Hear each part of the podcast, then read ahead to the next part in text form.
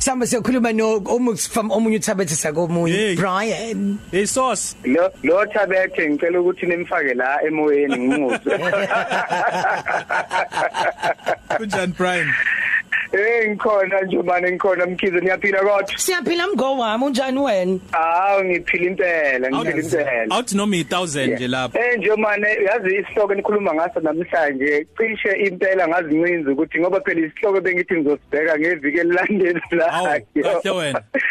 Ya nje manje mhlawumbe nje ukuthi hali hali eh sizobe sibheka ukuthi isikweletu siphathwa kanjani uma kuwena okweletayo noma kuwena okwelwetayo kusho ukuthi mawukuthi nje uwena onikezile noma kuwena owamukelile kuphathwa kanjani lokho? Kakhulukazi ke nje manje ngaphandle kokungena kukona awuqeqeshelwe ukubolekisa ngemali. Hayi so ithinta ke nge- nge- ngeviki elilandelayo. Awuqeqeshelwe ukubolekisa ngemali. Awuqeqeshelwe. Lokho kudinga uqeqesho kudinga ukuthi ugunyazwe ukuthi ubolekise ngemali. Kodwa ke songena sigxile khona ngeviki elilandelayo. Sithini namhlanje? Namhlanje ke sibheka i-topic yoku overspender ukusebenzisa ngokweqile. Oh siyamanise ke sayishadisa ne reckless lending eh reckless credit. Eh ne prevention of reckless credit. Eku section 80 no section 81 we National Credit Act.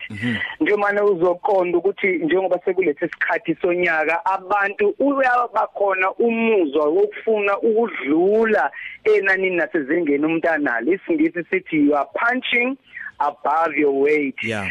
Lesi sihloko enikhuluma ngaso njengoba sikhuluma phela ngesithelo lesa sithelo sika moya esiku Galatia chapter 5 verse 22 isithelo sokuzithiba is self control siqashikele asibonakali kahle mawuthi self control ngoba ngathi uyasiza. Kodwa kuningi osekuvelile okuucwaningo okuvela ukuthi wena umuntu ongakwazi ukuthi cha kukhona ukulimala okuthile emqondweni kuwena. Abanye bakwenza njumane ngoba usuke sabe rejection njengoba udusho eh eh, engafuni ukuthi anatshe efuna ukwamukeleka azadlule nasezingeni lakhe afuna ukunikeza noma kungasavumi. Lokho kwekusuke isifo njomani uyazi kunamagama nje ake yebo ugula impela selfie. Kunamagama nje selfie mhlambe uzo- uzosondelana kakhulu nalamagama eh kuthiwa umuntu uyishopaholic noma kuthiwa u- uyi- u- udinga i-retail therapy. Yebo. Ukugula kwakona lokho ngoba okungenani nje manje mawuyishopaholic iba iworkaholic phela okungenani ke ishopaholic ayihambisani nokuthi uyiworkaholic ngoba mawususpenda nje manje kusho ukuthi unamandla okuspenda kusho ukuthi umthamo ukwanele. Kodwa mawusugcina naloko esikubiza ngesilungu ukuthi too much money at the end of the money yabona ukuthi inyanga yakho inkulu kunezidingo onazo. Ingakho uthola ukuthi usubamba la ubambe la ubambe lapha uyeke lapha. Abanye abaningi bayajabula nje basingena ku December ngoba inyanga ka December ayibinde ngoba inyanga iba yinde ngoba awukwazi ukuyikhona awukwazi ukuyimela ngoba wena uthatha umthamo ongaphezulu kwamandla akho. Oh. ake ngene kumthelele ukuthi inamthelela muni lento yeah. Inomthelela omumbi mase siza kuloko esikubiza ngedevelopmental credit.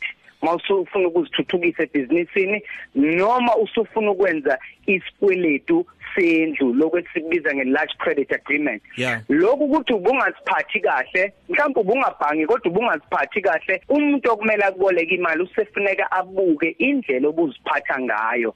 Yiyo ke qagula ukuthi wena umuntu onako yini ukuzithiba lokho esikhulume ngako.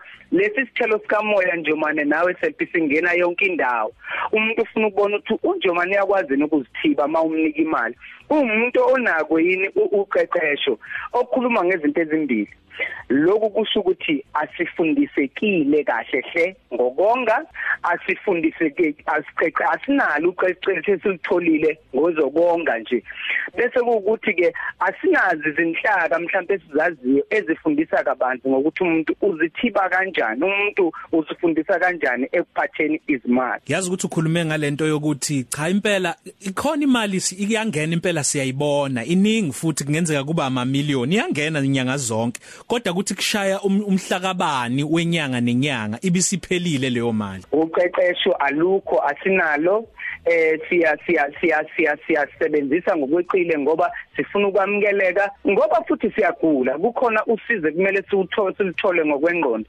Ake ngithembise lokhu nje manje Yeah. umlaleli akayedwa. Ngike ngakusho lokho ukuthi zonke izinhlaka siyoke sikhulume ngazo zinako lokho esikubiza ngama alternative dispute resolution mechanism okungama ombuds zonke yonke iminyaka yazo i- i- i- i- i- i- iminyango yezokhweba inabo ombuds bakhona.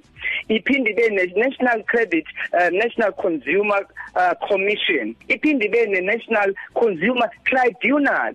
Ngaphansi kwalapho iphinde ibe nomnyango njengoba ngeke ngagcizelela ngeviki elidlule. Kunomnyango wako consumer ngaphansi kwe economic development nalapha ekhaya ikhona. Uma ungamazi nje umuntu ophethe lowo mnyango ubaba uCetiso Selepe kusho ukuthi njengomthengi awu- awuwazi amalungelo esiwanikiwe esinawo thina njengabathengi. Uyadinga ukuthi uhlale phansi nawe uyadinga ukuthi uzibheke uyadinga futhi ukwamukeleka ukuthi ufundiseke uqeqesheke. Overspending ukusebenzisa imali ngokweqile ne reckless lending ukubolekisa ngokungekho emgomweni. Brian Sibonga kakhulu asikutholeke eh, mhlawumbe mawune nombolo ngisho ku social media khona insource ngiyatholakala enambeni yami ka WhatsApp eh, nje mana ithi 083 623 1391 yonke imibuzo onayo ngoba singabe siyazivikela lezi zinto nje manje uma nezitolo ziqhubeka zikunika noma zibona ukuthi unenkinga edinga ukuthi ixazululwe akusisizi lokho. Yilapho kungena khona i-reckless lending xhumana ke nami ke siqhubeke sisizane sisizane ngokuthi sinikezana ulwazi olunzulu ngalokhu ku-083 623 1391 siphathwa kanjani isikweletu? Iviki elilandelayo. Siyabonga kakhulu Brian sikubona noma kanjani next week. Bye bye. Unga overspend lapho self. Usiyalo selfionce kwini lunch time yakho ehamba phambili. 12 to 3 Cafe. ukhozi FM